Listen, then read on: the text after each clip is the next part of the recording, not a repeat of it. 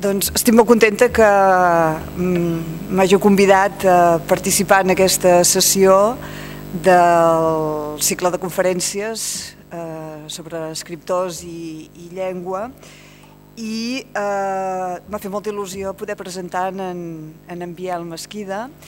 Eh, aquesta vegada he volgut no fer una presentació eh, d'aquelles que jo acostumo a fer eh, fent això que estic fent ara, eh, sinó una mica més senyida i per tant l'he escrita.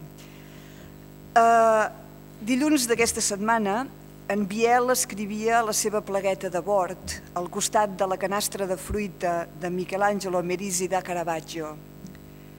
Avui fa 65 anys que a les dues i mitja del capvespre a l'Hospital de Castelló, a l'Hospital Municipal de Castelló de la Plana, país català, la meva mare, Paulina Mangual Payeres, em duia al món.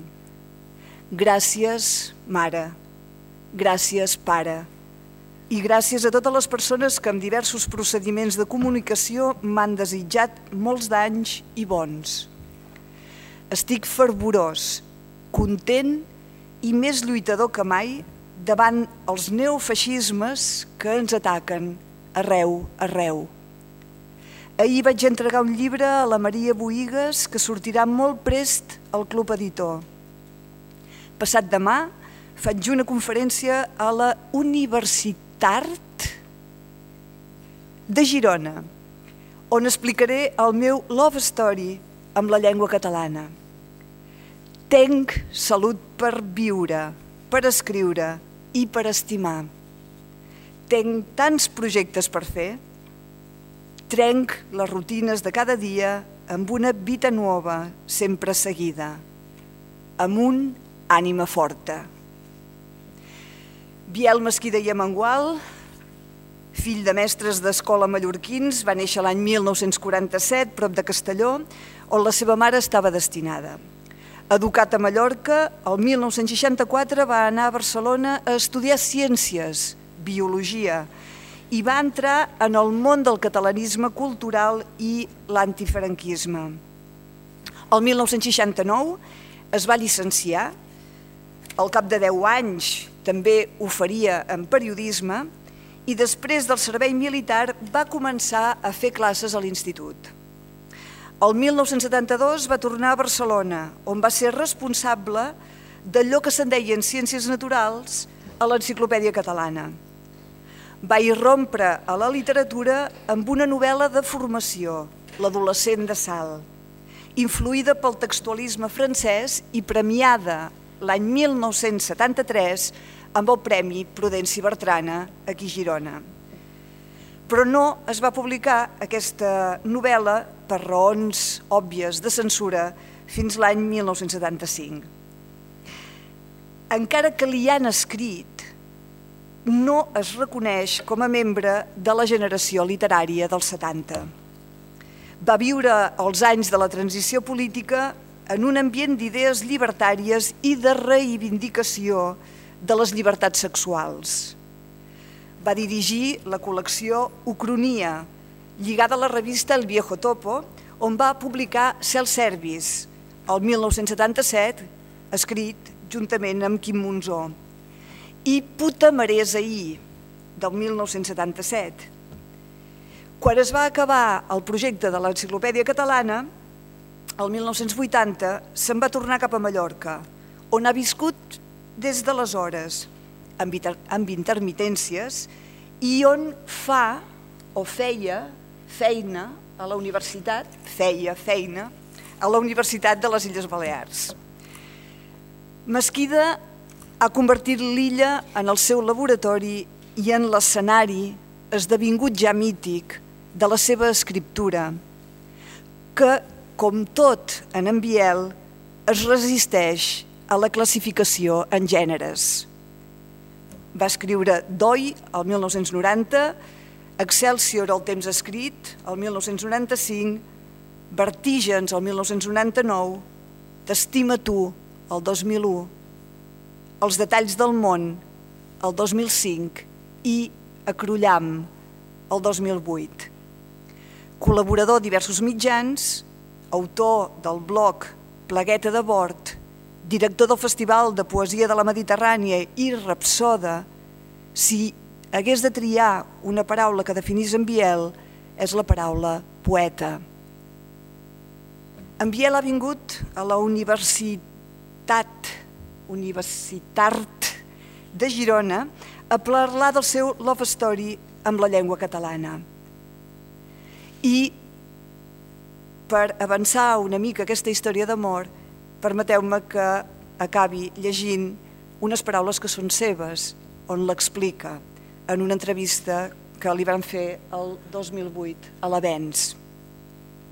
Diu, mirant enrere amb el retrovisor, pens que si he tingut aquesta sensibilitat, aquesta consciència fonda de l'idioma, en tots els seus caires, és perquè he tingut aquest gust per les formes dialectals.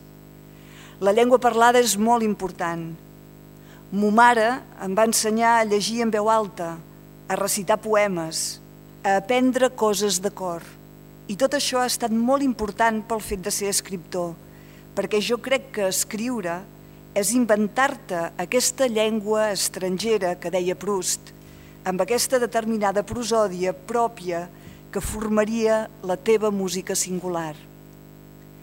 La feina de l'escriptor està dirigida cap a la creació d'un subjecte lecte, d'un idioma propi, l'idioma propi amb el qual t'acostes a les coses i perceps el món. És a través d'aquesta percepció àmplia que tant temps que no comprens el món i l'escriptura seria com una forma de recerca d'aquesta comprensió del món a través de diversos llenguatges. Comprendre't a tu i al món, tasca sempre fracassada, no reeixida, i que és un catalitzador, un estímul, allò que t'empeny a viure per veure si a través de la lletra pots esbrinar certes clarors. Sempre he tingut clar que la literatura no és un llenguatge que es pugui copsar, que es pugui entendre completament. L'escriptura és un llenguatge ple de laberints, d'enigmes, d'escletxes, de fundals, de secrets, de complicitats, de replecs. I l'escriptor diu més d'allò que diu i fins i tot no arriba mai a deixar clares les coses, que queden dins un fons de misteri, d'inacabament, de secret. També vaig descobrir prest que m'agradava molt escriure, perquè era la forma de pensar coses que si no escrivís no les hauria pensades mai. L'escriptura és una disciplina molt estricta, que té unes, unes lleis feixistes, com deia Roland Barthes. La llengua té unes regles plenes de limitacions, d'obligacions. La llengua t'obliga a dir. A través de la feina de l'escriptor pots enganar la llengua i aconseguir que surtin coses que si no les haguessis treballades, si no les haguessis tocades, sacsejades, lletra tremolades, no sortirien mai. I és per aquí que surt la literatura bona, quan aquesta llengua aconsegueix espais de llibertat, espais d'intenció, espais d'exploració, zones on no havia entrat mai la claror i que tu vas descobrint amb aquesta eina per un cantó tan establerta i per l'altre cantó tan fràgil. La llengua és un poc oximorònica, no estàs mai segur, sempre estàs dins una zona d'entre llums, d'entre mots, d'entre sons, d'entre paraules. Em sembla que és en pla que té una metàfora molt guapa de l'escriptor com a caçador. L'escriptor és un caçador que ha de preparar bé les seves eines, que ha de tenir aquestes disciplines bàsiques, la solitud, l'atenció, l'observació, la sensibilitat.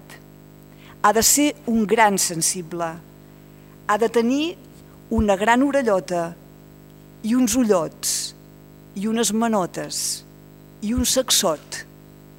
Tots aquests sentits els ha d'utilitzar per convertir-los en clarors, en laboratoris, en obradors de les seves paraules. I ha d'anar sempre a la caça, ha de ser com un caçador que ha de caçar al vol un mot, una frase, una música, un ritme, una brillantor, una foscor.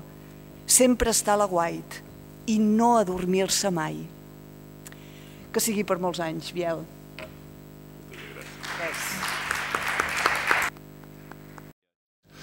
I, i dos iaiets, també els iaiets sempre s'equivoquen, han de reconèixer la part de... Jo sempre reconec la meva part de, de, de iaiet i de, i de, i de llosco, no, no sé anar gaire pel món, no he sabut anar, no he sabut anar mai, i aposta han arribat tard, no vos penseu que són hi ha molt d'escriptors i els escriptors catalans són molt dives tots. Jo no som gent diva, jo voldria ser un antidiva. És dir, voldria... No, no vos penseu que arribat tard, les dives sempre arriben tard, la cala sempre arribava tardíssim. I no, no, jo som una antidiva, voldria haver arribat més prest i voldria, i voldria tenir molt de temps per, per, per xerrar amb, amb vosaltres, perquè ja vaig dir en en Narcís Iglesias i en en Josep Maria Nadal, vaig dir que avui no faria una, una cosa que m'agrada molt fer, que és dur 15-20 folis escrits, tenir tot molt controlat, jo posar-me a llegir, jo llegesc bastant bé, eh, posar-me a llegir i, i llegir-vos una, una meravella, fer una lliçó magistral, com si això fos eh, això, una universitat, eh, el Col·legi de Frans, eh, l'Institut d'Estudis Catalans. No, de cap manera. Això, aquesta, aquest meravellós eh, gòtic, se converteix en un, en un espai íntim entre vosaltres i jo, des d'ara mateix, qualsevol moment, qualcú vol dir qualque cosa, me vol demanar qualque cosa, té totes les llibertats del món, um, i jo veig que m'he muntat, he dit el xiringuito, i m'he muntat aquesta espècie de, de, de, de, aquesta espècie de mostra, això és un mostrari de la meva relació en la llengua catalana. I a més a més també vos dono una cosa que no és gens acadèmica, que no és gens universitària en el bon sentit aquesta de, de l'acadèmia. Es diu, un escritor quan va a una universitat hauria de parlar un català estàndard, hauria de parlar en so català literari, hauria de parlar en, hauria de fer això, hauria de fer una, una lliçó. Jo no vos donaré aquella lliçó. Jo vos contaré coses personals que segurament he contat, a vegades les he contades per escrit, a vegades les he contades en els amics, vos contaré coses, vosaltres me podeu demanar, teniu jo, som, jo, quan, jo m'agrada molt estar en aquest cantó de, de, de, de la conversa perquè m'agrada molt demanar eh, coses, som molt curiós i, i, i les preguntes, quan més indiscretes, tota pregunta és indiscreta, però quan més indiscretes, jo m'agrada fer preguntes indiscretes. Eh, una de les darreres preguntes indiscretes que li vaig fer el Tesà Porcel, li vaig dir, Llorem Villalonga i tu vos colgara, ho vau anar al llit plegats tothom va quedar, estàvem en una taula i tothom va, tot hi va un silenci. Bé, van dir que no, que en Baltasar em va dir que no havien anat en el llit, que en, que en Villalonga el mirava molt i li, li mirava el perímetre toràcic i les cartes, aquest test magnífic les cartes creuades, sempre li diu, has de fer gimnàstica, el perímetre toràcic, etc. Vull dir. Però preguntes d'aquestes m'agraden molt.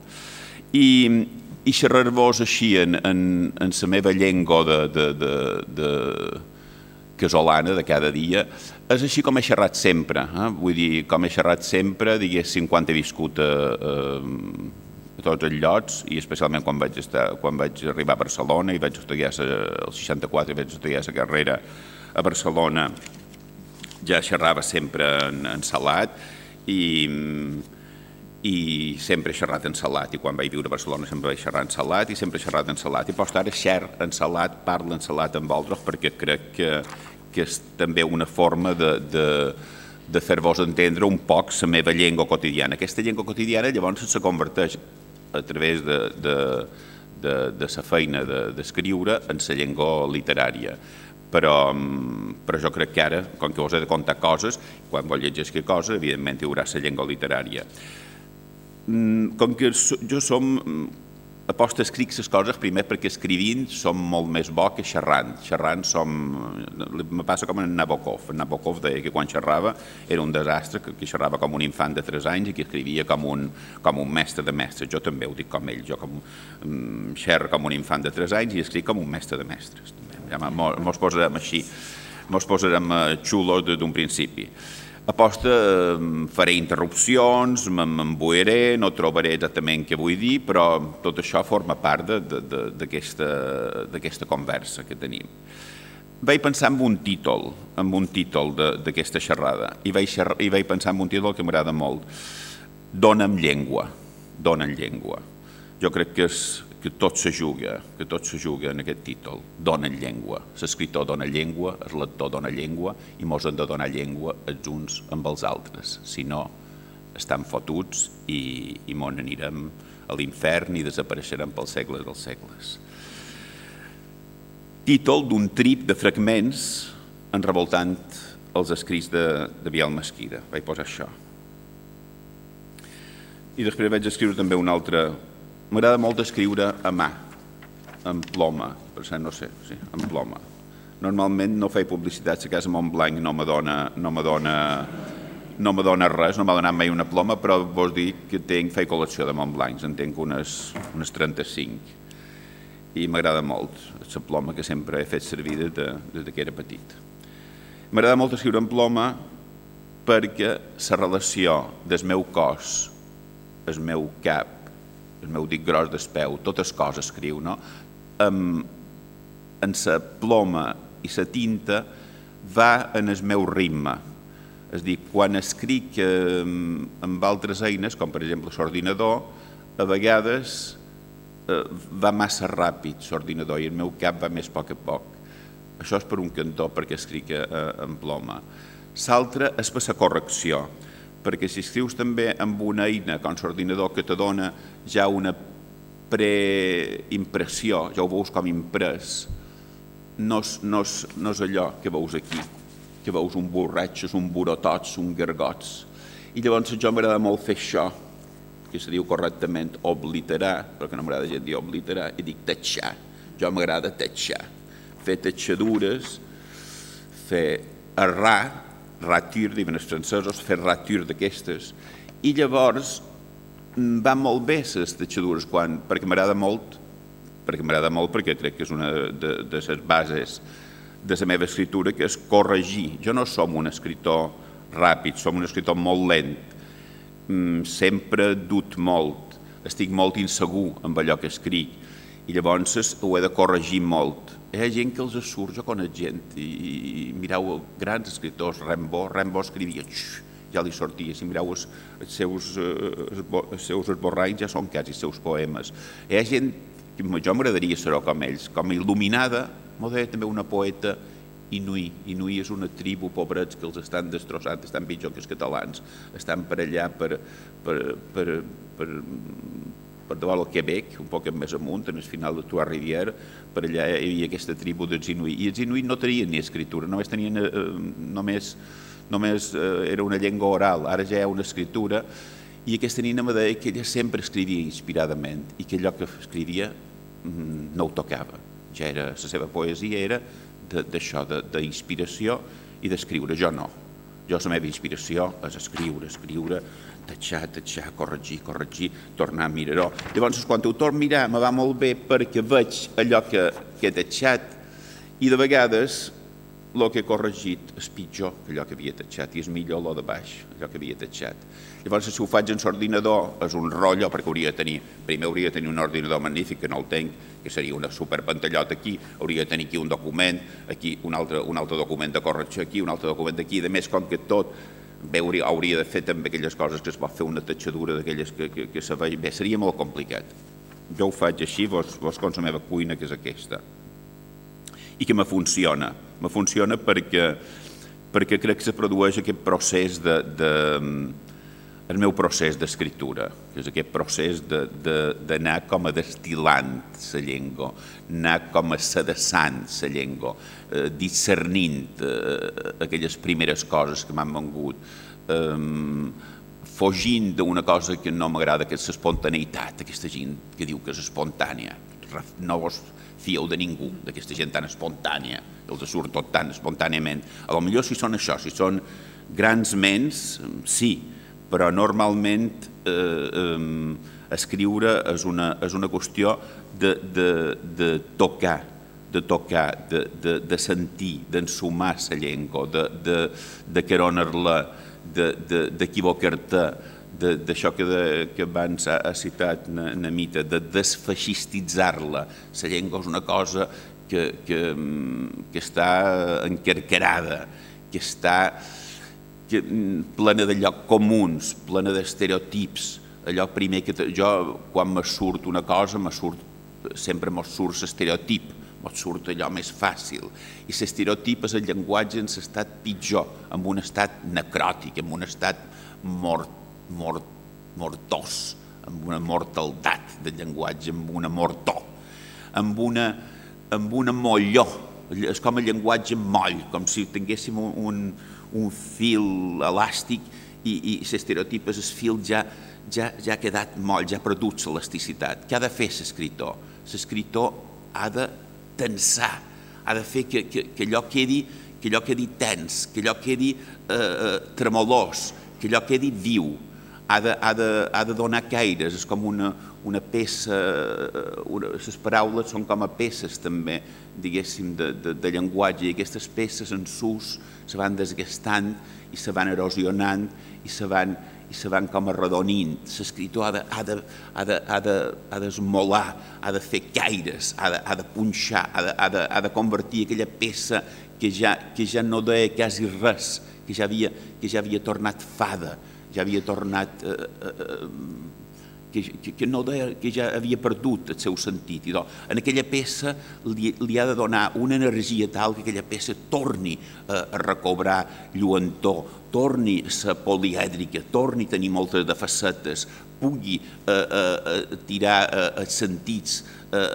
a mil i una direccions. Bé, no m'he d'enrotllar tant així perquè és que si no no llegiré res ni res. I he de, he de seguir un poc. Això, això és el preludi del preludi, així que hauríem d'anar ja en el preludi. El preludi era una sèrie, m'agraden molt les citacions. La meva obra, els meus escrits podrien ser com una citació d'una citació d'una citació d'una citació. Jo som un gran citador perquè m'agrada tant llegir i considero que hi ha tant d'escrits i tanta de gent meravellosa que jo lo, lo, la meva obra està feta, si, si vos hi fixareu que està feta sempre amb, amb, amb totxos d'altres autors, que els afic. A vegades els afic eh, en noms, de vegades els afic eh, en les inicials, de vegades els agaf i els comença a fer coses i a maquillar-los i a embrutar-los i me'ls faig meus i els apos com si fossin meus, però no són meus. Els he agafat, els he embuat, els he fet coses així i me'ls he fet meus. Vull dir que, que a vegades hi ha gent que diu ah, però aquest tros d'aquí aquest tros d'aquí, això me sona Estendal, i d'Estendal me sona això, sí, un tros de les Xartres. Llavors, si vos aneu a les Xartres i mireu aquell tros que vos sona, a millor veureu que el Biel Mesquí va agafar aquell tros que li agradava tant de les Xartres, li va fer un bon maquillatge i se'l va col·locar dins aquella història amb un altre sentit i d'una altra manera, però que sí, que podria ser que les Xartres i Estendal eh, fossin allà de dins. Llavors, les citacions. Les citacions eren d'un mestre meu que és, que no s'assembla per res jo, però és mestre meu, que és en Paul Valéry. En Paul Valéry eh, és un gran formalista, el, el, el posen dins, li posen el rotllo de formalista. I jo, jo el gaf en aquest sentit molt, molt formalista. Jo crec que tot és forma, eh? Que, que, que, que l'escriptor és un constructor de formes, un arquitecte de formes verbals. Eh? Tota aquesta gent que diu no, és que jo conto una història, si jo vull contar una història amb un començament, un nu i un desenllaç, i m'és igual com la conti o no la conti, jo vull contar aquesta història, m'és igual. No, si t'és igual, la contaràs malament, perquè no pensaràs com l'has de contar i s'ha de comptar de qualque manera. I si la comptes sense cap manera, és una manera, i és la pitjor de les maneres perquè no l'has pensada i perquè, i perquè t'ha sortit una cosa sense pensar, i les coses sense pensar. Tornem a dir que si no són d'un d'un profeta inspiradíssim o de qualcú que tingui un do meravellós, que no és escàs, són un desastre. Llavors, jo en aquest sentit som, agafeu-me amb aquesta, amb aquesta etiqueta, em penja aquesta etiqueta, som antietiquetes, però me penja aquesta per dir-vos això, de que, que Paul Valéry m'agrada per aquesta cosa, per aquesta defensa del pensament. Jo crec molt en el pensament, però pensau que per mi el pensament és quan boixes, quan fas amor, penses. Eh? Vull dir, el meu pensament, eh, les sensacions, les emocions, per mi són pensaments. També la meva visió de pensament és, és completíssima, no deixa res per llavor. I en Paul Valéry deia una cosa que, que és, que forma part de, de, també de la meva feina en la llengua. De,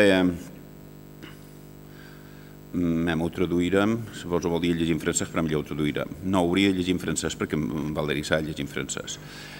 Si donc m'interroge, si l'on s'inquiète, comme il arrive et parfois assez vivement, de ce que j'ai voulu dire, si jo m'interroc, si m'inquiet, com passa sovint i bastant de viu en viu, amb allò que jo he volgut dir, dans tel poème, je réponds que je n'ai pas voulu dire, mais voulu faire, et que ce fut l'intention de faire qui a voulu ce que j'ai dit.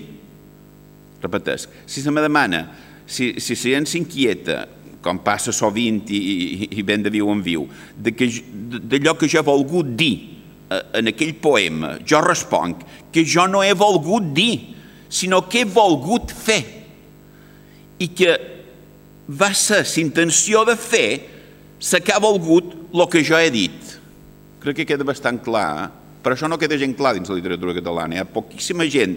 La gent vol dir, tornem a ser el que dèiem abans de, de la forma. Jo vull contar un contingut, les formes no tenen cap sentit, l'important és el contingut. No, lo important és la forma perquè els continguts són els mateixos que jo, que no veus que, que els escriptors des de, de, de, de, de, de, de sumeris, de lo que recordam, sempre han parlat de lo mateix, de l'amor, de sodi, de les bregues, de les enveges, de lo que són els humans, aquest material humà, sempre han contat lo mateix, sempre han contat lo mateix, contam que s'estimen, que se separen, que se peguen, que hi ha guerres, que hi ha batalles, que hi ha déus, que hi ha dimonis, això sempre contam això, si mireu la literatura és això, perquè és que Homer i, i, i na Corintellada no són la mateixa cosa, perquè Homer fa uns hexàmetres eh, i els fa molt bé, i aquells hexàmetres duren pels segles dels segles. Na Corintellada fa una merda.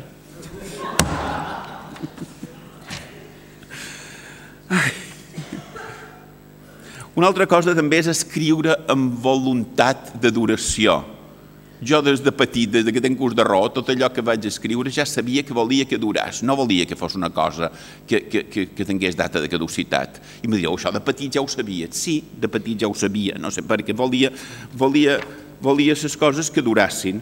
I això, per exemple, Flaubert, també aquí era un altre lema que volia dir, diu J'écris non pour le lecteur d'aujourd'hui, mais pour tous les lecteurs qui pourront se présenter tant que la langue vivra. I jo firm totalment això. Jo escric, ell diu no, no pel lector d'avui, jo, jo escric per lector d'avui, jo escric pel meu contemporanis, però també per tots els lectors que podran eh, se presentar, està molt bé que se presente, eh, vol dir eh, eh presentar-se, els, eh, eh, els lectors que podran presentar-se en tant i quan que la llengua viurà. Eh? Això és molt important, sobretot per aquesta llengua catalana nostra, que jo crec que també llavors dic que ara, que no són com na Carme Riera, aquesta amiga meva i escritora, que na Carme és una, una dona que diu unes coses, a vegades que al·lucinat, les dones sou fortíssimes perquè deis unes coses pornogràfiques, són unes pornògrafes del discurs.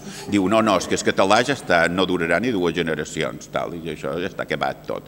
I jo no, jo no. Jo crec que el català durarà més de dues, més de tres i més de deu generacions, però que el català és la morta viva el català és la llengua morta viva i jo estic treballant conscient amb una llengua morta viva. Vull dir que això també en som molt conscients, no, no, no, lucidesa absoluta. Però jo crec que, que, que malgrat el PP i en Rajoy i els fills de puta d'en Boussà i en Mates i tota aquesta gent que lluita eh, ignorantment, perquè són d'una ignorància, però d'una ignorància que fa queguera, aquesta gent eh, eh, podrem amb ells perquè nosaltres tenim la saviesa, tenim la raó, tenim la cultura, tenim la bellesa, tenim allò que ens fa humans i ells tenen la salvatjó i la merda. Bé, jo hauria de començar... Ja no he començat. Eh? No, estic en els lemes. Estic en... no, no és que estigui preparat així, no vos penseu que ara estic fent això. No, no, hauria... intentaré avançar un poc. A on som? Tres quarts. Què queden? Tres, mitja hora només. Bé, aquell lema encara l'he de llegir. Sí, perquè aquell lema és important. Una altra cosa és que jo he defensat sempre, i ho he tingut també molt clar, que perquè m'agrada escriure, perquè som escriptor, podria posar 27 raons i 27 de raons, però una d'elles és perquè la literatura travessa tots els llenguatges. Un escriptor no té cap llenguatge que li sigui estranger. Un escriptor ha d'estar obert a tot, ha de ser curiós a qualsevol cosa, ha de, no, hi ha de, no ha d'haver ni una saviesa, ni, ni una, això que diuen disciplines universitat, ni un, ni, un, ni un saber, ni un sabor, res li ha de ser, eh, eh, ho ha de valer tot, tot el saber i tot d'un, ha de valer com un, com un, com una Déu de saber el doble sentit, de divinitat i de font. I jo això també m'entusiasmava. Jo, els 14 anys, me van dir de fer ciències o lletres. Jo vaig dir, no, vull fer ciències o lletres. Vull fer ciències i lletres, vull fer dues coses. Em van dir, no, és que ara els 14 anys el batxiller aquest teu té ciències o lletres. I el meu pare me va anar a un psicòleg perquè, perquè jo estava... I, i el psicòleg aquell me va tenir, com no sé què, em va tenir una setmana que me feia un text llarguíssims, unes coses així, que havia de posar creuetes per tot, una cosa com enfollidora, jo ho recordo una cosa enfollidora, un senyor molt simpàtic, que era filòsof, psicòleg i filòsof. Sort, sort que me van donar aquest home. I aquest home, al d'una setmana, mm, me va, va estar estudiant allò que jo havia fet i va enviar una carta als meus pares i tots estàvem allà, vam obrir la carta, men què dirà, men què dirà. I la carta deia, el seu fill té curiositat per ciències i lletres i està preparat per fer una cosa o altra. Pot fer les dues coses. Que me van quedar com a, com a estorats i jo he intentat fer les dues coses, les dues, les tres, les deu, perquè crec que això, crec que l'escriptor l'escriptor ha de ser un, un, un, gran, uh, un, gran, un gran savi per poder perquè res no li sigui indiferent. Jo he intentat que el llenguatge científic, jo crec que el llenguatge científic són, són, són dels més eh, estimuladors i dels més, eh, i, des, i des més actuals, si la ciència és allò que forma part de la nostra vida quotidiana, si vivim, vivim en ciència, vull dir, vivim a, a, a, amb una ciència humanitzada, però vivim amb una ciència, que m'aixequem, que mos colguem, les coses que feim servir, això és ciència, eh, això és ciència, això és ciència, nosaltres dos som ciència, vosaltres sou ciència, això és ciència, fer aquestes voltes és ciència. Vull dir que, que me fa gràcia aquesta, aquesta espècie de que encara hi hagi aquesta divisió estúpida i, i, i, i ignorant i, i antiuniversitària de ciències i lletres. I aposta, aquí volia citar-vos a, un, a un gran científic del segle XX, que nom Niels Bohr, i i Niels Bohr diu posar al centre del ple sentit el principi d'incertesa de Heidelberg és un dels fonaments nous pel coneixement. I el fet de que sigui impossible mirar simultàniament tots els paràmetres d'un sistema físic amb certesa no es deu sols a que aquests paràmetres es veguin afectats per la mesura, sinó que no existeixen independentment d'aquesta mesura. Es refunda la ciència eh, com a mitjà de comunicació entre els homes sobre la base d'allò que hem observat, d'allò que hem après. I aquí, en el meu entendre, és quan els científics es donen la paraula en, amb els poetes i és quan un Blai Bonet, quan jo li deman qui és per ell el poeta més important del segle XX, diu Einstein. A l'esquema aquest de, de, de coses que vos volia contar començava eh, dient-vos que vaig néixer en el Mas d'en Sales, a Castelló de la Plana, Ma mare, eh, eh, dia, dia 9, a les 8 de matí va tenir dolors de part i com que ma mare era una dona, era un poc com jo, també anava molt, no, no, no, no es devia pensar que, que pariria. El Mas d'en Sales té una escola, eh, una escola rural, amb un baixos que hi ha l'escola, una escala i a dalt la casa del mestre, amb una cuina, un menjador i una habitació.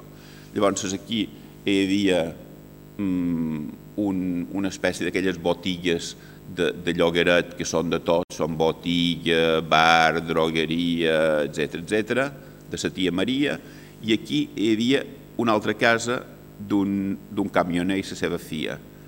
i això era el mas d'en Sales. Llavors hi havia massos per allà perduts i tots dins d'aquells massos perduts anaven a, l'escola ma mare.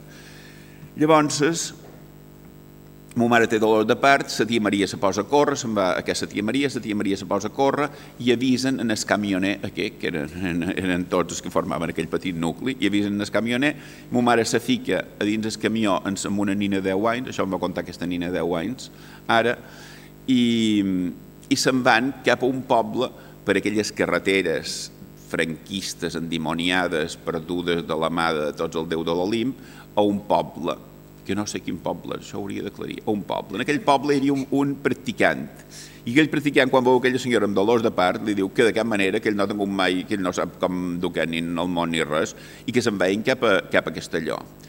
I mo mare diu que va ser un miracle que jo no nasqués en so trup i els sotracs de, del camió, perquè la carretera no era asfaltada i, i en el final va arribar corrents a, a les dues eh, a l'hospital municipal aquest de, de Castelló a la Plana i a les dues i vint, eh, dia 9 de, de gener de 1947, aquesta criatura eh, baixava a la terra dia Paulina Mangual Payeres. Què vol dir això? Per què vos dic això? No vos ho dic per biografia, vos ho dic per llengua, perquè aquell bombo de mo mare, aquell líquid amniòtic on hi havia aquell fetus, que havia escoltat, els fetus escolten, ara ja ho saben, a partir d'un determinat mesos, quan ja s'han format s'han format eh, ses, diferents eh, òrgans, aparells, sentits, aposta diuen que se'ls ha de posar música i se'ls ha de posar música de paraules també diuen, s'ha de posar música i només pensen en posar Mozart. No, no, s'ha de posar Mozart però també se'ls ha de posar música de paraules. I jo en aquell moment que ja havia sentit? Jo havia sentit es, es mallorquí eh, pagès del meu predís, meva predina patern de Santa Maria. Havia sentit es mallorquí bujarró de la meva predina materna entrevessat de, de Palmesano, perquè ella se va casar a Palma de joveneta, tenia aquesta mescla d'aquests dos mallorquins.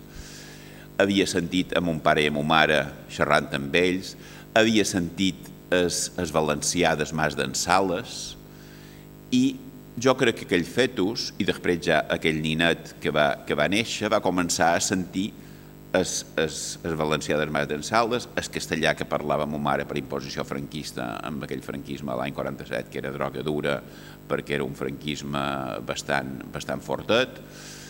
I, I jo crec que tot això és molt important per, per, per, per explicar la meva, la meva escritura, perquè jo crec que de, amb, aquesta, amb aquesta atmosfera lingüística que vaig tenir des dels fetus, des que era un fetus, fins que vaig néixer, i després, en aquest camí meu, que va ser que ma mare, es cap de...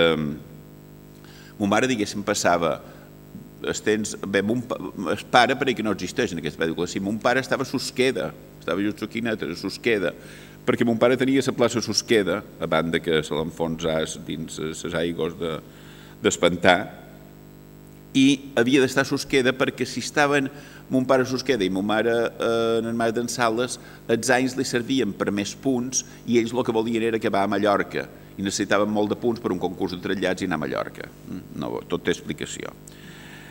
Llavors, eh, que vaig sentir? En els tres anys a mon mare la van destinar a Ciutadella i mon pare per un concurs de trasllats parcial també va anar a Ciutadella. Llavors vaig sentir el ciutadellenc, que també té, té, té una bona salsa lingüística.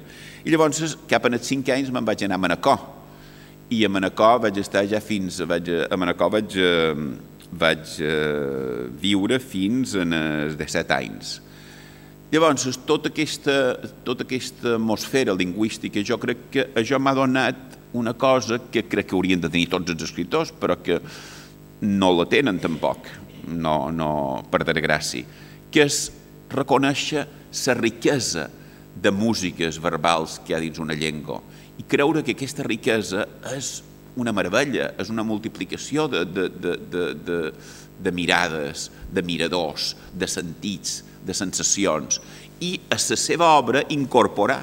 Jo a la meva obra he intentat incorporar eh, tota aquesta riquesa, pot ser amb una cert dominant de, de lo que podrien dir eh, eh, eh, primer és meu dialecte i després és dialecte mallorquí. Però és que el dialecte mallorquí no existeix, ja ho sabeu com a tal dialecte, està, està ple de dialectes, de subdialectes a Mallorca. I quan jo era petit, no és que estàs ple de subdialectes, és que entre eh, Santa Maria i Salaroner eren dues músiques que no s'assemblaven, eh, que, que jo al·lucinava, perquè a més agafes una sensibilitat per això, i, i, i jo passava molt de gust sentir una... Jo m'agradava molt, aquelles, saber, jo m'haguessin fet un examen sense haver estudiat, només per haver escoltat, perquè una altra cosa que també ens cita d'Eremita, crec que l'escriptor ha de ser una gran orella, ha d'escoltar, ha de ser un gran escoltador, ha de tenir els cinc sentits i més sentits, i ha d'anar creant més sentits, però els cinc sentits aquests normals els ha de tenir molt desenvolupats i ha d'anar eh, agafant, ha d'anar captant, i una de les grans captacions és la captació orera, ha de ser com una oreota molt grossa que vaig, que vaig xuclant. Jo sempre estic xuclant, vaig a, eh, a un bar i, estic, i escolto les converses que han al costat i vaig caçant al vol eh, una frase, un llenguatge, una expressió, una manera de, de, de dir al món. Això jo crec que és, que és importantíssim. Mm, vos volia llegir, que no vos llegiré, una de les meves fonts, una de les meves fonts lingüístiques va ser que el meu predín, la meva predina, eh, tant el patern com la meva predina materna, des de petits els predins llegien o contaven, moltes vegades els predins me les contava sense les rondalles mallorquines. Les rondalles mallorquines d'en Jordi de Racó, que va, que recollir eh, Antoni Maria Alcobé, són una meravella, perquè són tot aquesta, eh, eh, aquest reservori de, de, de, de, de llengua, és un reservori viu de llengua eh, eh, en tot l'encanteri de, de, dels contes i de, de, de, dels misteris, de les intrigues. De... Jo, jo vaig veure, és a dir, volia llegir, que no la llegiré perquè no tenim temps, una, no, una, una rondae que és en Joanet de la Gerra i dir-vos que, que Jaume Mates, que en aquest moment el deuen estar jutjant i ben content que estic, eh, s'havia d'haver llegit en Joanet de la Gerra, perquè en Joanet de la Gerra eh, va, anar, va anar Joanet de la Gerra, no, no vol vull contar, l'heu de llegir, perquè contar, contar una ronda és assassinar-la, però Joanet de la Gerra, la moral de la ronda és que cada vegada volia més i volia més i demanava més i demanava més i demanava de més i demanava més i demanava més i cataclec, va acabar dins la gerra, va començar la gerra, va arribar a rei i va acabar un altre pit dins la gerra, com en Mates, que torna a caure dins, dins la misèria absoluta. Eh, també en el meu vaig tenir una sort que en el meu col·legi Ramon Llull, que era un col·legi de llicenciats a Manacor, on vaig fer batxiller, vaig trobar, eh, vaig trobar mestres que dins aquella grisó absoluta de, de, de, de formació de l'espírit nacional i de cantar cada dia eh, i fer-me posar així, cantar cara al sol i preta les files i muntanyes nevades, la bandera i tot aquest rotllo. Jo procurava ses que posat la bandera perquè si, si posava la bandera no havia de cantar perquè si estaves a la fila i no cantaves te, te, te castigaven. I, i varen tenir un carlista, que és carlista, d'aquest de don, de don, que nom, no sé què nom, aquest de Borbón, que també un, un, que en Juan Carlos no el podia veure de cap manera, eh, aquest carlista. Eh? No ho sé, un, un Borbón d'aquests que, està, que estava allà en el País Basc, eh, el País Basc, no, a Navarra, a Navarra. Sí, bé, aquest, aquests, a Mallorca hi havia una part carlista, però aquests carlistes eren molt eh, nacionalistes, creien en la federació i creien en la llengua. I aquest era un, mos guardava, era com un precepte, i fèiem d'amagat classes de català. I això també va estar, va estar molt bé. I en aquestes classes de català va ser quan vaig conèixer és, mm, algun dels meus mestres, eh, vaig conèixer Gabriel, eh, Miquel de Sants Oliver, eh, Joan Rosselló de Sant Fortesa, eh, i sobretot el, el que més me va agradar, vos volia llegir també un fragment que no vos llegiré, però que vos recomano, és en Salvador Galmés. Salvador Galmés està molt, molt pobre, però pobre home, està molt abandonat, no el coneix quasi ningú en el Principat perquè no ha quedat com a molt tapat. I jo el considero un dels grans, eh, pobre home, era un capellà i, i se va dedicar tota la seva vida a, a, a estudiar sobre de, estudiar no, a publicar sobre de, de Llull, de Ramon Llull, i, i no se va dedicar gens, eh, se va sacrificar tota la seva, tota la seva feina literària, però té, mm, jo el trobo un, un narrador magnífic, amb un, ara vol llegir un fragment que m'encanta, d'una d'una contarella que se diu El guerrer d'infern. Diu, entorn de les ruïnes s'estén una plata tapida de mates i radells, argelagues i estepes, arbosseres i aladerns, llampúdols i alzines, òbvia el bestiar, repenjada al coster de la muntanya. De vés mitjana en pit, la roca s'escuixa violentment, formant un barranc escambuixat de guerrilla hirsuta, obert a mitjorn que escupa els saragalls pendent avall dins el torrent. A l'entreforc, aferrats a la roca, lluiten amb el temps i la velló altres oestres mil·lenaris de soca corcada, pàtria inviolable de nombroses colònies de formigues carnisseres és, és riquíssim, és, és carnal.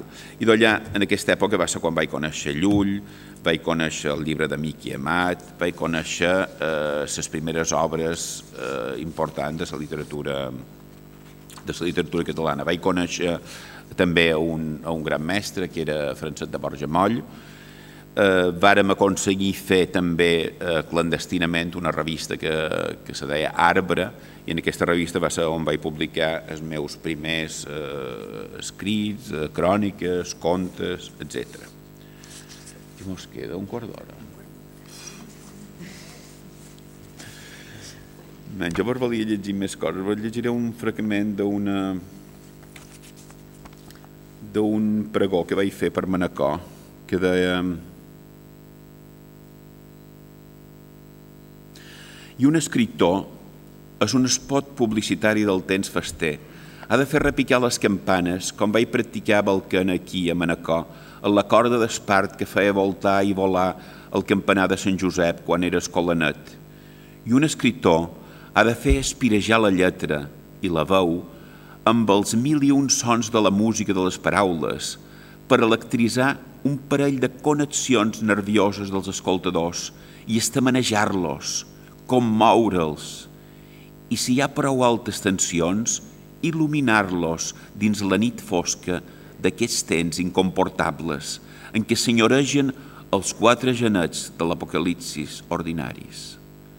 Això de fer tocar paraules, de fer creuar-les, encreuar i fondre, de dibuixar silencis de mots i composicions d'aquests dins les línies paral·leles al blanc de la plana, també ho vaig aprendre amb esforç i disciplina als tallers d'escriptura de Manacor, a l'escola de pàrvols de les cotxeres de Doña Margalida, al col·legi dels Bavarais, a la Salle, de devora al Palau, i finalment al col·legi Ramon Llull, on vaig fer el batxillerat oficial i clandestinament el descobriment joiós de la llengua i la cultura de la meva avió, la catalana, la prohibida. I això vol dir que a Manacor vaig aprendre una de les fetes i de les festes més essencials i gustoses que poden fer els humans, la festa dels pensaments, la festa dels llenguatges, la festa de les paraules.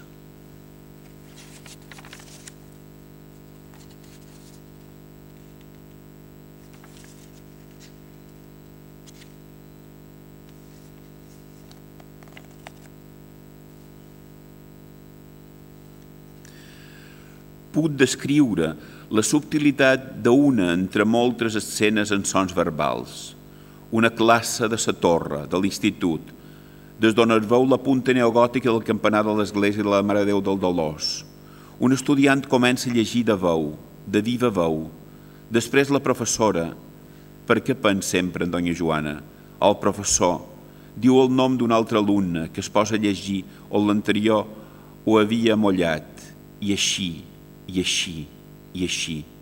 Sí, així vaig aprendre a dir les síl·labes, els punts, les comes, les inflexions, les expressivitats.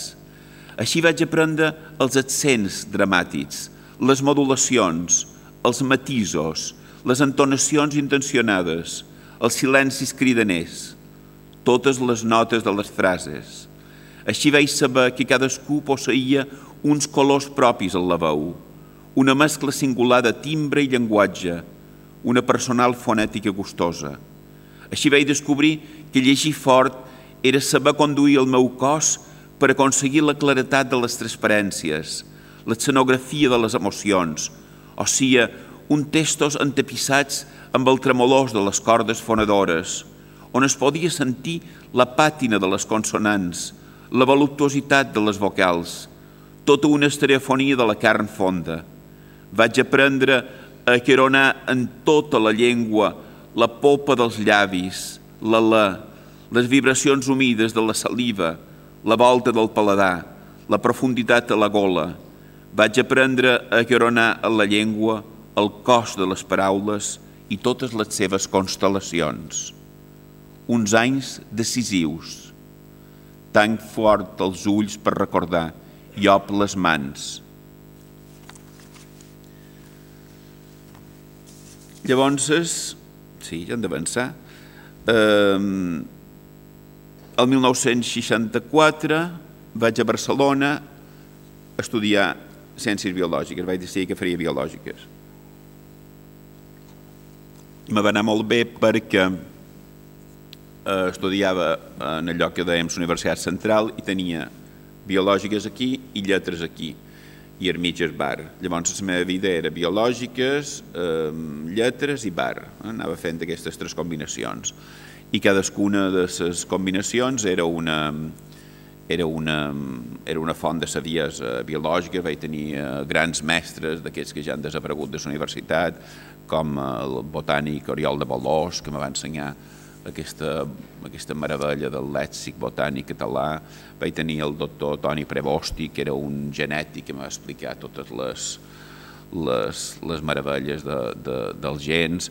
Vaig tenir un, uns grans mestres.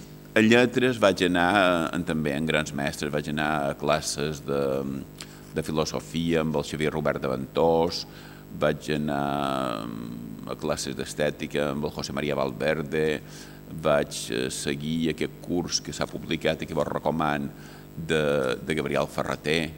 Vaig conèixer Gabriel Ferreter íntimament perquè llavors ens anàvem en altres toms, allà a la Ronda de Sant Antoni i entre Copa de Ginebra i Copa de Ginebra ell mos contava tot allò que volien saber sobre, sobre literatura i poesia. És dir, els meus anys de, de, del 64 al 69 varen ser també anys molt decisius. Vaig, vaig viure dins aquesta atmosfera de, de, de, de llengua catalana de barcelonina, que per jo també va ser un, un gran descobriment.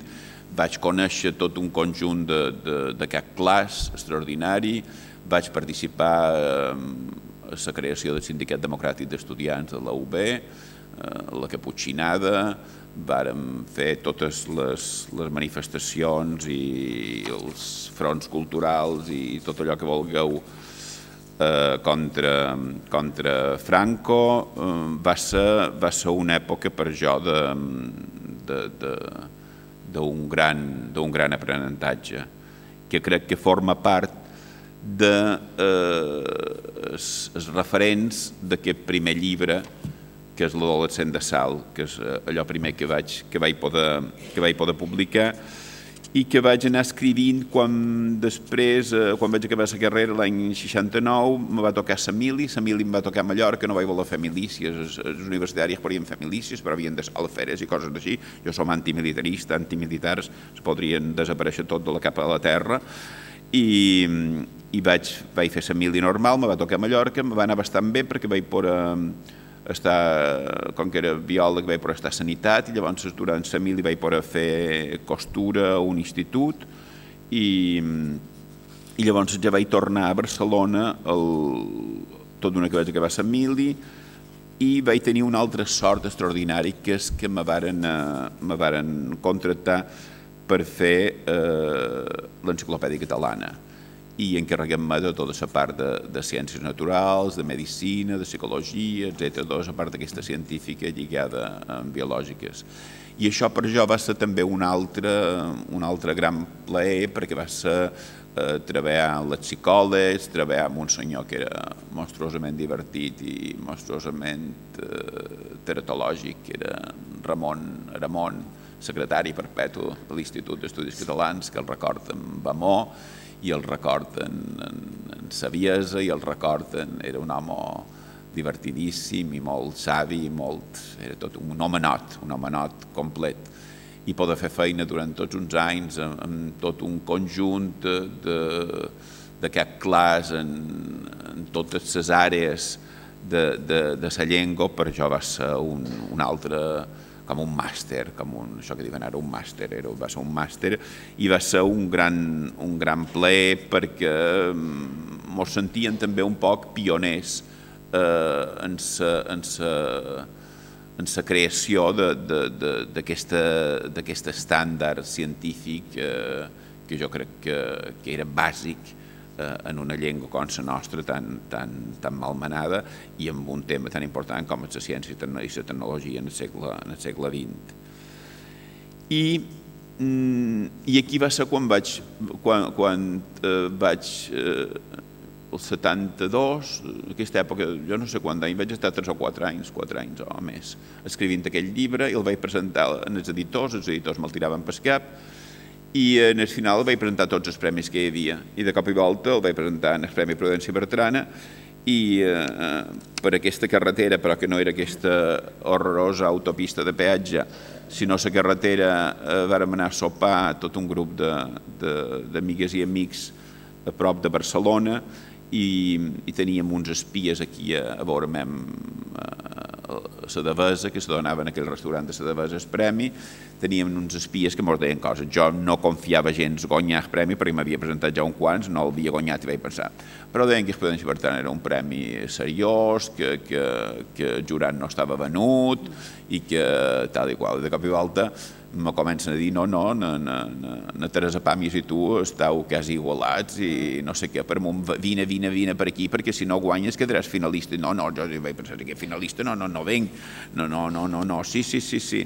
I en el final van dir guanyes i vine cap aquí. Vaig, vaig tenir una de les nits d'aquestes més, més eh, de, de, de, de pel·lícula, pel·lícula de la teva vida, de somnis, no? d'arribar allà a la Devesa i trobar-me molta de gent que no coneixia, perquè jo en aquell moment no coneixia del jurat, no coneixia ni, ni, ni, ni en. Tu eres del jurat? Eh?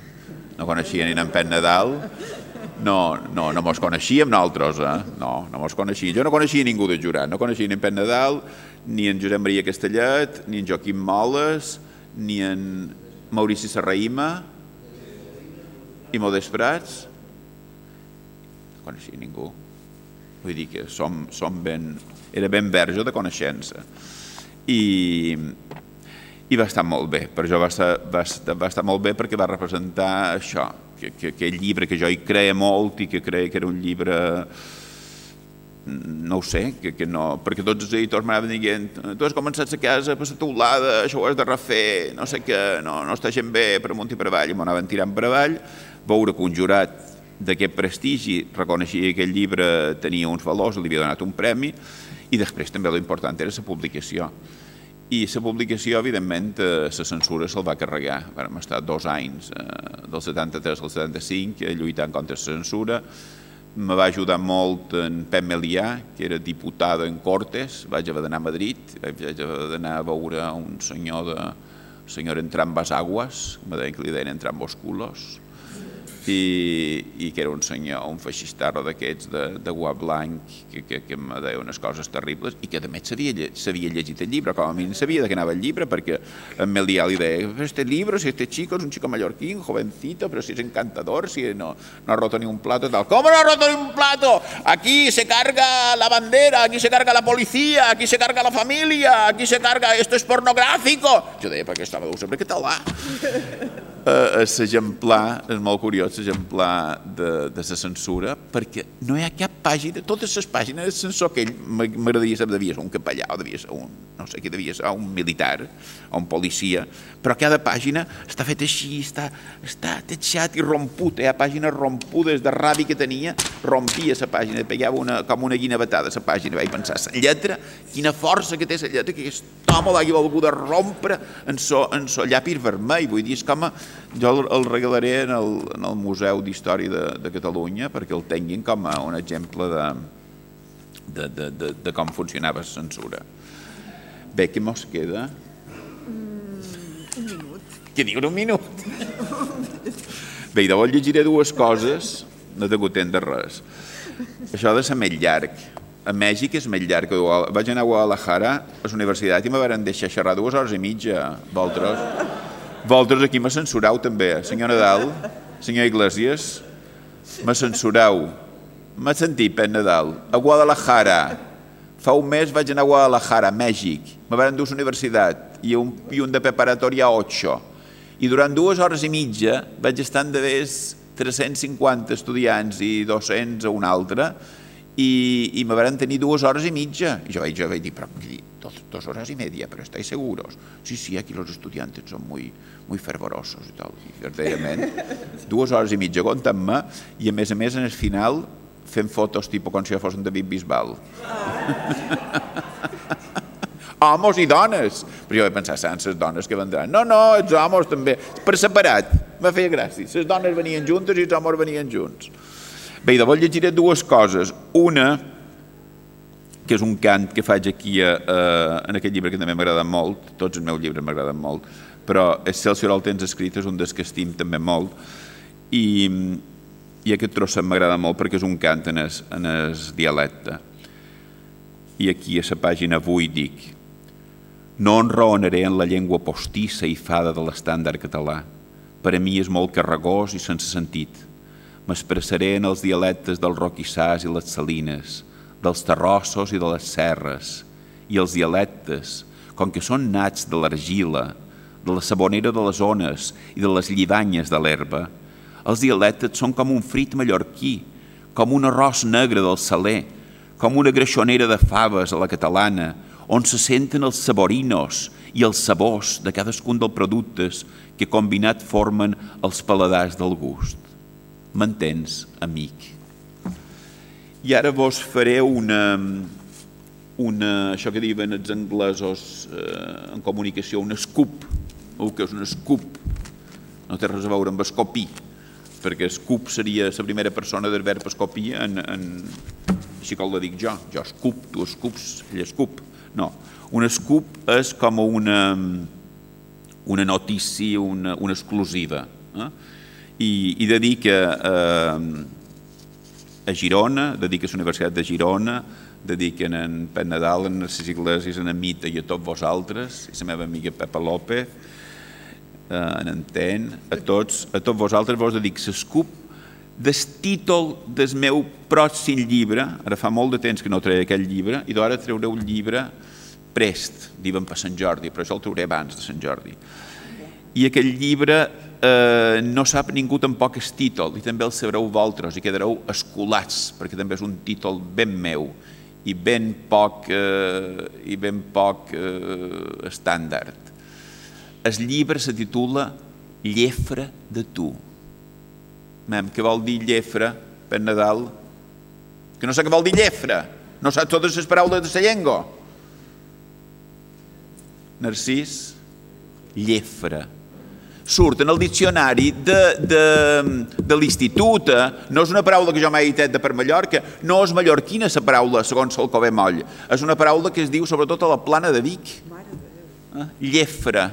Qui sap què vol dir llefra? Ningú sap què vol dir llefra. Bé, tindrà èxit, però ningú sabrà què vol dir llefra. Com? Llefra eh, surten el diccionari de l'institut i surten el del Covent Moll. Me va, me va agradar molt aquesta paraula perquè té un doble sentit que mm, jo m'agradaria, jo no som, no sé fer articles ara de memòria, l'article de diccionari, eh, i ara tampoc no m'ho puc enrotllar. I també vos voldria dir sentit exacte, i sentit exacte és quan tens article de diccionari. Això sortirà, he decidit que sortirà a la darrera pàgina, a la darrera pàgina de, el llibre posarà Biel Mesquida, Llefra de tu, Club Editor. I, I a darrere posarem Llefra, perquè és que veig que ja m'heu convençut de que no, però no me digueu que no sigui un títol bellíssim, Llefra de tu. I Llefra és una paraula que ve, que diuen a la plana de Vic, segons el Covent Moll, ve de l'alemany llofcoc, que vol dir llavi, i Llefra vol dir golut, vol dir golafre, vol dir eh, eh, això, que, que té gola, que té gola. Això un sentit. I el segon sentit, que també em va molt bé pel llibre, perquè els ajunta tots dos, vol dir llefiscós, vol dir eh, eh, llimós, vol dir eh, llimós, llefiscós, mm, ja. I de junta la cosa goluda, es llavi golut, i, i aquesta cosa llefiscosa. I el meu llibre, un dels títols que havia pensat era Llim i sucre, que ja va també per aquí, però és que llefra de tu és perfecte, perquè el llibre és una invocació, és un, és un, és un, és un home que fa com una, com una taxidèrmia de l'absència, de l'absència d'una estimada seva. Jo estic molt content.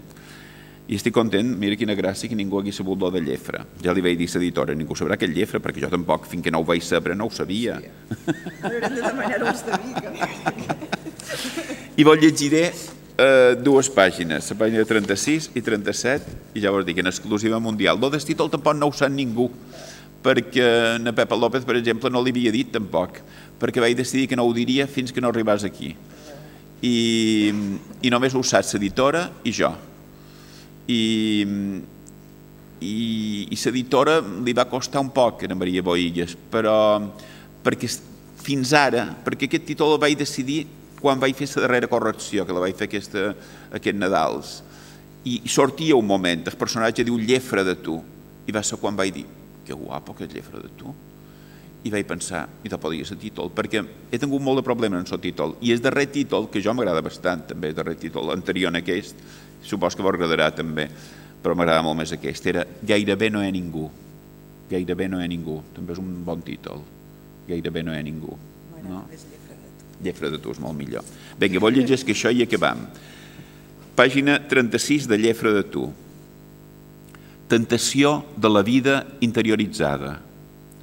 Un poeta és aquell que sap reconèixer que la seva mirada de les coses no coincideix en la dels altres la mirada, simplement, i accepta el conflicte. Els poetes dolents o falsos són aquells que presumeixen d'entendre la mirada dels altres. Miquel Boussà. He vist la paret estibada de verdet de dalt a baix com una promesa. M'hi he acostat en circum, circunspecció. Allà, aferrats al frontis, hi havia circells i cilis, cirrus i silicis, que no podia veure ningú. Per què tocat aquelles algues de la humitat, aquell fongs de la floridura, com si fossin la pell de les paraules que no et podré dir mai? Em sentia marejat quan el llim verdíssim m'amarava la palma de les mans. Experimentava una coïtja suau que em pujava per la gola com un calfred inacabable i el cap em bronzia com si hi hagués entrat tot un eixam d'abelles. Estava com electritzat amb les dues mans aferrades al mur, com enrampat per unes forces que no sé d'on venien. Però no volia fugir, no volia que allò acabàs, no volia que aquell corrent d'informacions que no podia entendre m'abandonàs. En aquell pany de paret en què el degotís d'una canal espanyada havia fet créixer aquell jardí de líquens, hi havia alguna cosa dels teus ulls que ho miraren fa estona, de les teves mans que ho tocaren fa molt de temps. Eres tota tu allà, dins la llimosa superfície única i llenegadissa, entre la finestra del saló taronja i un caire del casal per on davallava la canal de llautó que estava rompuda i rovellada des de sempre i on els hiverns plujosos hi creixia la molsa. No puc assegurar quin temps vaig romandre aferrat al mur com un foll que no té remei. Hi havia una fascinació fangosa, primigènia, meristemàtica, plena d'epifanies teves, com si aquell llim em produís una proliferació de tactes teus, de llavis llepats que se ficaven pel conductes del meu cos i em purificaven. Aràlia, formada del llim de la terra, una matèria tan llefiscosa com aimada, una metamorfosi cap a l'informe, cap a la fluidesa, cap a la benescència, forma sense forma. Aquella aigua verda i viscosa, agargallada, era una, de, era una deu de solladures que em feia sentir viu. Ce que je seré quand je seré bu, allò que som quan som llim. L'endurit fang interior rejovenia, s'entendria, tornava blanc en les correnties mucoses, llimacoses, reptiloses, llefre de tu, llaminer de tu, llapissós de tu, enganxós, clapat, llumicós. Vivia dins la metamorfosi, desfigura del teu ésser, t'estimava com un precipici. I d'un cop sec, d'una estirada, em vaig desfer del contacte i em vaig posar a córrer com un orat. No em podia aturar. Corria i corria travessant els jardins, el parc, el clars oscurs de la tempesta, les estacions del nostre amor. Corria i corria en un estat d'oradura tan gran que no puc recordar-ne res. I esdevindràs pols. Corria i corria com el replec estratègic d'un cos que ha tocat el fetus del sentiment, la carn fragmentada, la teva boca sollada d'espermes verbals. I tot llenega, tot cau. Corria i corria fins a arribar a l'alzinar de la màcula. Va ser entrar-hi i aturar-me. Va ser entrar-hi i saber que aquella llum negra m'encobeïa. Moltes gràcies.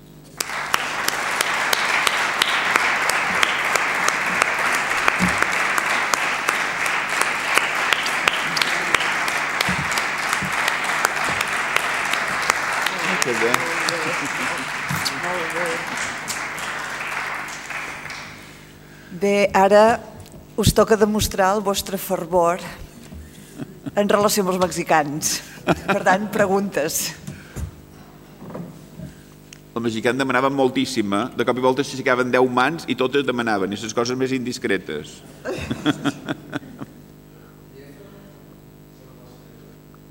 Llefra surt al, al diccionari de l'institut. No, no ho sé. Ara diria qualsevol mentida. Te podria inventar 20 moments, no sé. Sortia, no sé, no sé com va sortir, no sé d'on ho vaig treure, no sé si va ser... Segurament degués llegint un poema. Me sona, uh, me sona que degués llegint qualque poema de qualcú, que no sé qui, i, i, i, i ho vaig... però no ho sé. No ho sé.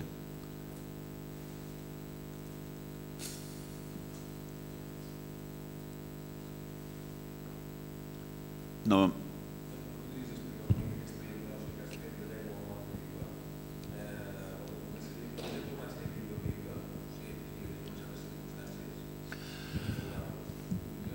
dir, circumstàncies són nosaltres, a les circumstàncies. No, no, no, no hem de dir que, que la llengua morta vives perquè tenim eh, un polític, perquè tenim uns, uns no sé qui, un no sé quan. Jo crec que és tota una societat que ha d'aconseguir que aquesta llengua morta viva sigui llengua viva i cadascú ha de fer el cap viu per aquesta, per aquesta, per aquesta història.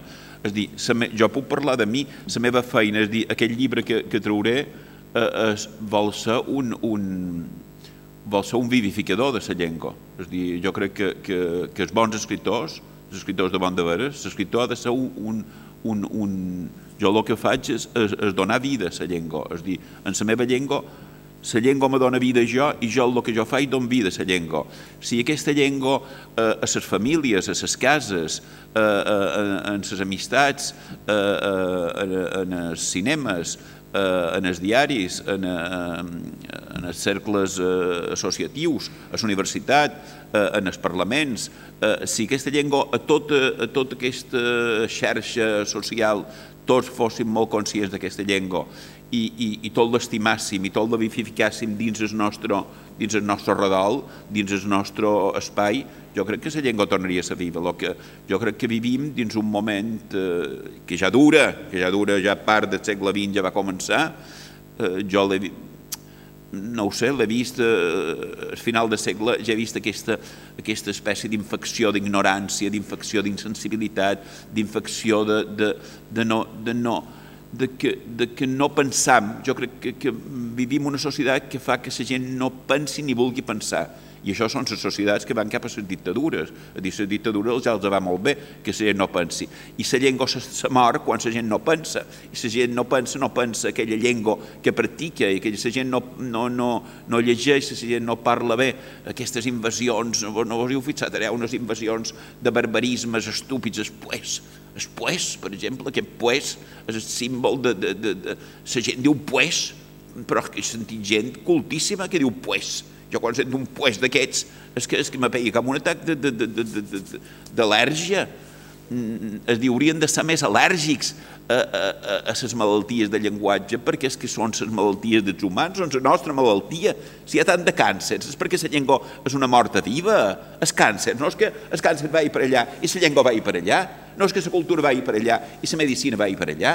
Això ho haurien d'ensenyar més també a les universitats. És dir, les malalties físiques, aquest, els càncers concretament, va molt lligat crec jo, en la llengua. I crec que ja hi ha estudis que ja ho estan, que ho estan fent, que, que, que ho estan mirant, aquell lligam. De, no, no, no són... Eh, eh, estem basats com en les malalties infeccioses, com si hi ha eh, eh, el virus que ataca i tu ets innocent i no, jo crec que no, no som innocents les nostres pròpies malalties. Eh, que hi ha una part que, que si tots eh, fóssim mos estimàssim més i estimàssim més a ser humans, no hi hauria. És dir, la llengua és una font de salut, llegir és una font de salut, pensar és una font de salut. Són coses com molt elementals que no les diu quasi ningú, o jo no les sent que les digui, que les digui ningú, i d'això eh, eh, eh, eh, seria una de les bases d'una regeneració eh, d'aquesta llengua.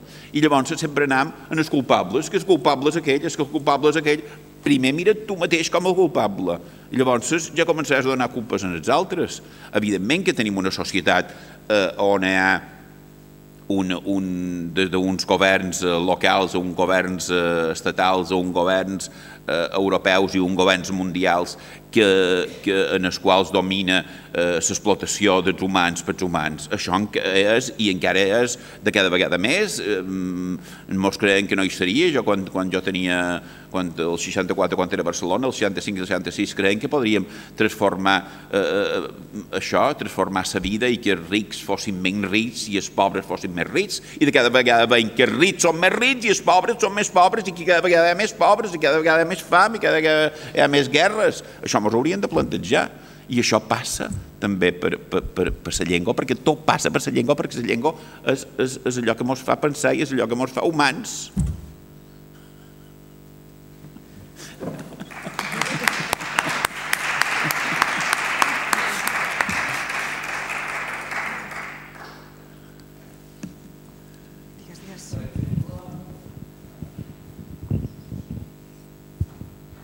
A l'hora de passar, per exemple, un, la teva obra per, per una editorial, suposo que també t'has trobat qualque moment amb, que han intentat molt com a tancar segons quines coses que són de la teva llengua que tu vols, que tu sí, vols fer. No m'ho he deixat fer mai, ja. per això, dit, com, com ho has solucionat també un poc? No, jo mm, m'han m'han respectat, és a dir, no, no, no, verdaderament. Jo, jo publico amb Empúries, ara public en Club Editor aquell llibre Llefra de tu per, per una, perquè Maria Boigues és molta amiga meva, me va ajudar molt a... Jo necessito editor, jo crec que els escriptors necessiten editor i vivim una societat en què la majoria, moltíssim d'escriptors se pensen que no necessiten editor i, i llavors surten els llibres així com surten. No, jo sí que necessito editor. Què vol dir necessito editor? Vol dir que necessito eh, no una persona, generalment jo tinc tres persones, unes tres persones que llegeixen el meu test eh, en la darrera fase i llavors es mediven eh, com el veuen d'una forma molt crítica, el sedassen, el pensen i m'ho diuen i això me va molt bé. I després necessita aquesta persona de, del món de l'edició que també m'ho digui. I, I na Maria Boiga jo la trobo una gran editora en aquest sentit, a més de, sen, de les seves tries de, de llibres de Club Editor, però ella és una dona, és una, és una, és una, és una gran lectora i jo li vaig demanar amb aquest llibre, jo aquest llibre era un llibre que feia com a quatre anys o sí, quatre anys que, que m'hi pareava i és un llibre que ja veureu que és un llibre molt, molt meu, no és, no és ni novel·la, ni poesia, ni teatre, ni res, és un, són, són, són un textos, són com un conjunt de, de això, són 180 pàgines d'escriptura de, de, de, mm, on, on no, no hi ha un començament, un nu i un desenllaç, sinó que aquest personatge va contant coses i, i, i no, no gens comercial ni gens... Eh, no, no forma, vull dir, és, és, és escriptura. I, jo, I això tenia com a 350 pàgines. I jo m'agradaven les 350 pàgines i no hi havia manera de... de jo deia, això no pot ser, massa llarg. Jo, jo troc que també ara fan els llibres massa llargs. Eh, I jo, massa llargs en som no ho dic en el sentit de, de m'és igual, si hi hagués un llibre de mil pàgines que fos magnífic, m'és igual, però generalment els llibres de mil pàgines solen fer així, solen fer pujades, baixades i tal, i jo m'agrada que el llibre sigui molt com a... Jo, jo vull, vull posar dins la meva llengua, jo sempre dic que la meva llengua eh, vull que tingui eh, intenció poètica sempre. Què vol dir intenció poètica? Que sigui una llengua molt condensada, una llengua que s'ha que, que jo l'he pastada molt i he fet una cosa així, però aquesta cosa així va, va llançant irradiacions. Hi ha gent que allò de fer una cosa així fa una cosa així, i aquesta cosa així queda com, com a morta. Llavors jo veia que d'aquelles 300 pàgines n'hi havia que sobraven, però que hi ha un moment en què t'enamores d'allò que fas, no? I jo deia, i ara pobret aquest tros d'aquí, perquè ai, ben guapet aquest tros d'aquí, no, no el vull treure aquí. I ara mem aquest tros d'aquí, no, però si aquest tros d'aquí també és boníssim, i tot ho trobava boníssim. Llavors necessites un editor, en aquest sentit anglès, que agafi allò i digui, no, aquest tros vieu allà i allà ja surt molt, ja, ja és com a redundant. Això ja ho has dit aquí, Aquí, evidentment, hi ha aquesta frase d'aquí, que millor sí la podrien salvar, però és que això... I, i que te faci, que te va... I això és el que ha fet na, na Maria Boigues. Però jo no... Vull dir que jo mai no m'he deixat eh, esquetzar, ni canviar, ni, ni, ni, ni, ni, ni, ni estandarditzar. Vull dir que si jo m'estandarditzes, vull dir, me mates. No, no, no, no, no, no. No. No, el que sí que m'he deixat i m'he deix i, i crec que és important editar i sempre, més o manco, sempre he tingut editor, que això també m'ha anat, anat bé, vull dir, però en aquest cas m'ha anat molt bé. Jo crec que aquest llibre, si vos agrada la meva escriptura, vos agradarà molt. Jo estic molt content d'aquest llibre i serà un llibre molt, molt minoritari, perquè no, no té cap element no té cap element comercial de res, vull dir, no, no, no, no compta. I és un llibre que va molt lligat en la morta viva jo crec que és una feina l'altre dia un amic meu que l'havia llegit me va dir, diu, tu fas el mateix que fan Beckett en, en, quan se passen el francès que és que utilitza com que ell té l'anglès eh, ja el té tan ja el té tan per mai, ja li surt tot tan bé ell per fer una, una llengua més creativa agafa una llengua que ell no domina tant i que amb aquesta llengua ha de fer un gran esforç per poder, per poder fer-la eh, elèctrica i per poder fer-la viva. I nosaltres, els catalans, hem de, hem de fer això mateix, però cercant una, una excel·lència a la llengua, demostrant que aquesta llengua és una llengua poderosíssima, que és excel·lent, que està, l'hem de, de fer el més bé possible i que allò sigui com a un diamant que ningú pot trencar. Vull dir, però és el mateix que fa el Beckett. El que el Beckett ho fa per un camí i nosaltres ho hem de fer per un altre, nosaltres ho hem de fer, eh, eh, és dir, com que estem tan fotuts, i la llengua està tan fotuda, l'hem de pujar dalt de tot eh, a l'excel·lència més absoluta per, per, per, per vivificar-la. I pujar-la a l'excel·lència és molt difícil.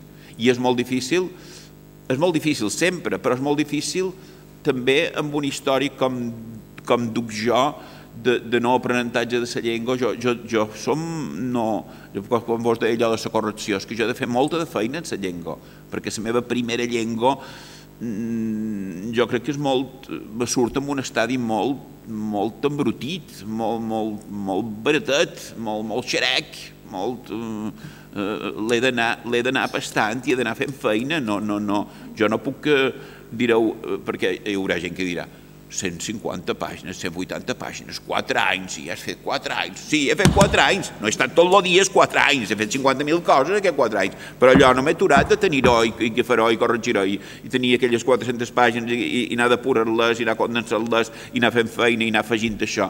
Vaig entregar el llibre fa, fa 10 dies i fins el dia abans d'entregar el long que ara me'l tornava a mirar i deia, això no sé, aquesta coma d'aquí, no sé si hauria d'anar aquí, hauria d'anar aquí, i aquesta Vull dir, és, la feina de... Eh, el llenguatge és inacabable. La llengua, la llengua catalana és inacabable. Gràcies.